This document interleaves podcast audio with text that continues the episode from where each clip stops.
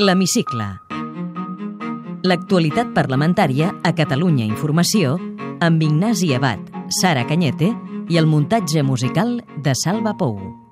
En aquest país s'estan plantejant grans canvis, com podia ser la independència, i en canvi som incapaços de dotar-nos nosaltres mateixos d'una llei electoral. Jo crec que els partits han de fer uns esforços, nosaltres l'estem fent, els de més ens consta que hi ha aquesta voluntat. El president Mas li va dir a Pere Navarro amb una rotunditat que no ofereix cap mena de dubte, i en fi, estic massa esperançat, no? però jo crec que l'oportunitat és a tocar de dits i que no l'hauríem de perdre. El PSC ha presentat una nova proposta de sistema electoral, doble vot amb elecció directa de 58 diputats i la resta a través de 7 demarcacions, però amb un recompte general dels vots a Catalunya. Un plantejament que Miquel Iceta va avançar a Catalunya Informació i que aquesta setmana ha fet arribar als grups. Abans de conèixer-la, el convergent Lluís Coromines mostrava disposició a l'acord sempre que sigui més ampli. El que no farem és posar-nos nerviosos en aquest tram final. És a dir, si algú es vol carregar la ponència de la llei electoral perquè no hi hagi llei electoral, nosaltres no hi participarem. Nosaltres el que volem és l'acord. I per tant intentarem que fins al final aquest acord sigui d'un consens ampli i no només de dos, tres grups parlamentaris sumin o no sumin aquests dos terços que estan requerits per la llei.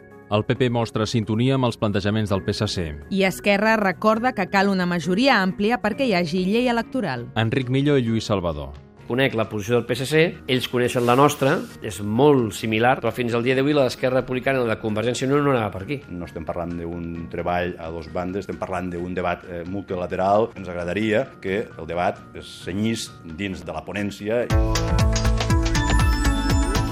Mentre els grups continuen treballant la llei electoral, la de transparència està a punt de Carmel. El diputat Lluís Cromines valora l'alt grau de consens. Jo crec que hi ha un fil conductor prou compartit per tots els grups parlamentaris i crec que amb una o dues reunions màxima acabem. Actualment no és que el text estigui compartit per tothom, és cert que hi ha algunes diferències que després doncs, ja es veuran en la fase de comissió. Renunciaré el próximo lunes a mi acta de diputado en el Parlamento de Cataluña. Con ello renuncio al aforamiento y a partir de ese momento se me aplicará el mismo procedimiento judicial que cualquier otro ciudadano. L'exportaveu parlamentari de Ciutadans, Jordi Canyes, deixa l'escó per la seva imputació en un cas de suposat frau fiscal. És la primera vegada que passa això a la cambra. Actualment hi ha quatre parlamentaris imputats en altres causes, dos de Convergència i Unió i dos del PSC. El ple acomiadava Canyes aquest divendres amb ovació, sobretot de les bancades de Ciutadans, el PSC i el PP. Donar el comiat al diputat Jordi Canyes, que ho ha estat des de l'any 2011 i durant dues legislatures, si em permeten, molt intenses, que dilluns deixarà el seu escó, el nostre comiat, diputat Canyes.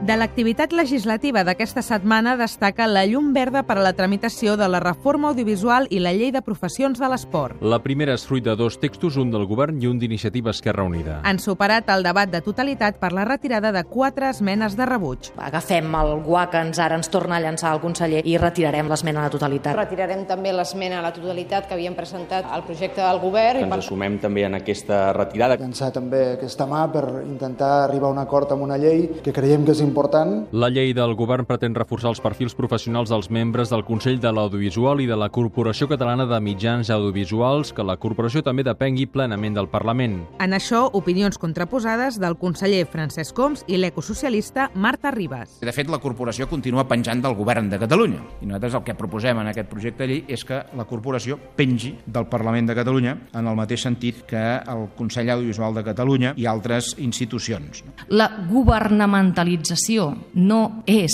efecte de de qui pengen els pressupostos, és efecte de les majories amb què s'elegeixen els membres del Consell de Govern de la Corporació o els membres del CAC.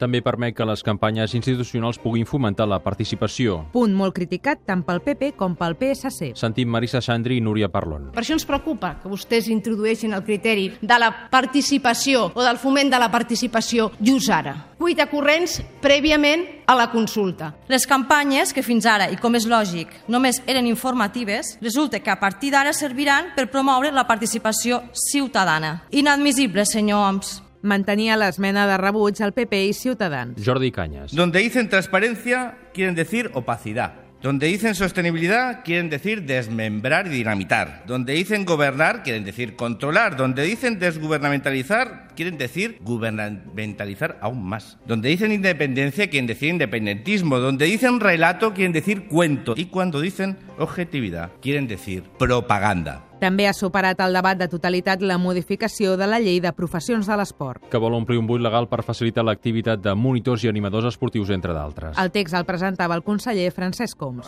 que es pretén és millorar i regularitzar la situació dels professionals del sector per tal que puguin obtenir la formació necessària i d'aquesta manera inscriure's al registre oficial de professions de l'esport de Catalunya amb tot el que això comporta de garanties.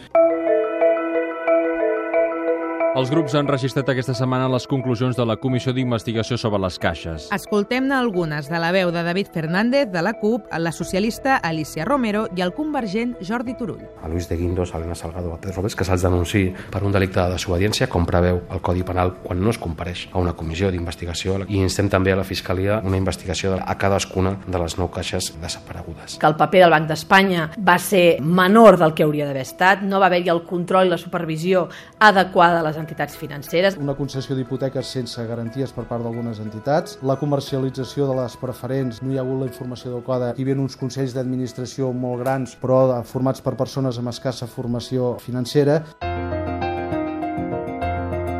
El Parlament de Catalunya, a través del seu advocat, s'ha manifestat a favor d'un indult als processats pel bloqueig de la cambra el juny del 2011, si finalment són condemnats. La Fiscalia demana 5 anys i mig de presó pels 19 acusats. La presidenta Núria de Gispera, encara convalescent d'una intervenció quirúrgica, finalment no ha prestat testimoni al judici. Al ple d'aquesta setmana, el conseller Felip Puig ha denunciat la retallada de 17 milions d'euros de l'aportació de l'Estat a Catalunya per a polítiques actives d'ocupació. Es castiga especialment, lamentablement, a Catalunya, que és avui el territori que més eficaçment està lluitant contra l'atur. En comissió dimarts, la consellera de Benestar va explicar que han baixat un 5% els beneficiaris de la llei de dependència els primers tres mesos d'aquest any. Neus Monté. I els beneficiaris serien 150.342. Hi ha una lleugera baixada respecte a les dades anteriors. Beneficiaris eren 156.333. Acabem amb una picabaralla sonada la que van tenir la diputada popular Dolors López Aguilar al ple i el conseller de Justícia Germà Gordó. La parlamentària del PP denuncia que el Centre d'Iniciatives per a la Reinserció de Presos a Lleida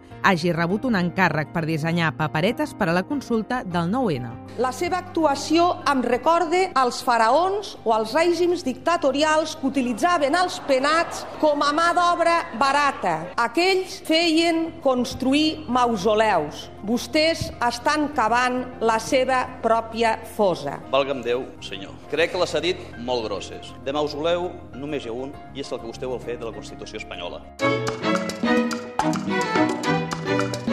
Té la paraula Teresa Vallverdú Albornà, diputada del grup d'Esquerra Republicana de Catalunya al Parlament, regidora de l'Arbós, un poble del Baix Paradès. en una frase. Senyora Teresa Vallverdú, vol que Catalunya esdevingui un estat? Sí, i tant. Vol que aquest estat sigui independent? Sí, i tant. Què passa si la convocatòria de consulta és impugnada? Crec que la consulta s'ha de fer igualment, és a dir, nosaltres hem de posar les urnes al carrer i la gent ha de poder exercir el dret de vot. Descarta una declaració unilateral d'independència? Descartar no podem descartar res, eh? de fet tampoc eleccions anticipades, però nosaltres ara tenim la nostra fita posada en la, en la consulta del 9 de novembre i és aquí on, on mirem, no mirem més enllà. Una reforma constitucional pot ajudar a encaixar Catalunya amb Espanya? Jo crec que ja no, hem fet tard. Quina injustícia l'enerva més a Catalunya? Que se'ns considerin solidaris. Ha estat mai a la cua de l'atur? I tant, unes quantes vegades. Els seus ingressos han pujat baixat o s'han mantingut en els últims 5 anys? Ara són superiors als que tenia un 30, o és que no, no t'ho sé dir, eh? Ha pagat o cobrat mai en negre? Que jo recordi no, però com que quan era molt jove feia classes particulars i alguna correcció és possible. Posaria la mà al foc que al seu partit ningú ha comès mai cap irregularitat? Posar la mà al foc per ningú, a part de per tu mateix, no li pots posar. Quina és la llengua d'ús habitual a casa seva? El català. Quantes més en parla? Parlo el castellà, l'anglès, no tan bé el francès i em defensava, però ara ja fa molt que no, amb euskera. Quins estudis té? Soc llicenciada en Filologia Catalana, després vaig fer un màster en Lingüística General als Estats Units i després vaig fer un altre màster en Lingüística Teòrica eh, a la Universitat Autònoma. De què ha treballat abans de fer de diputada? Professora a la universitat, també he estat assessora lingüística a mitjans de comunicació, tant a Catalunya Ràdio com a, a TV3, 3, Quin art l'apassiona més? la música i la dansa. Quina personalitat del, del món de la dansa admira més? Cesc Gelabert. Com reparteixen les feines domèstiques a casa? No ens les repartim perquè les faig totes jo, perquè visc sola amb una nena que encara és un pèl petita, tot i que m'ajuda. En quins pobles o ciutats ha viscut al llarg de la seva vida?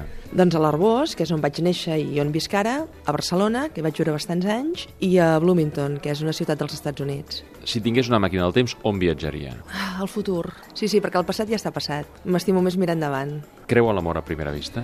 No, Amb quin sex símbol compartiria una estona? el George Clooney, va. Quin diputat o diputada d'un altre grup fitxaria pel seu ideologia a banda? El rull de Convergència i Unió. Una mania confessable. No m'agraden gens els botons. Quan acaba un ple del Parlament, com desconnecta quan torna cap a casa? Anant en cotxe. Senyora Teresa Vallverdú, moltes gràcies. Moltes gràcies a tu. Podeu tornar a escoltar aquest programa i recuperar els anteriors a catradio.cat barra hemicicle.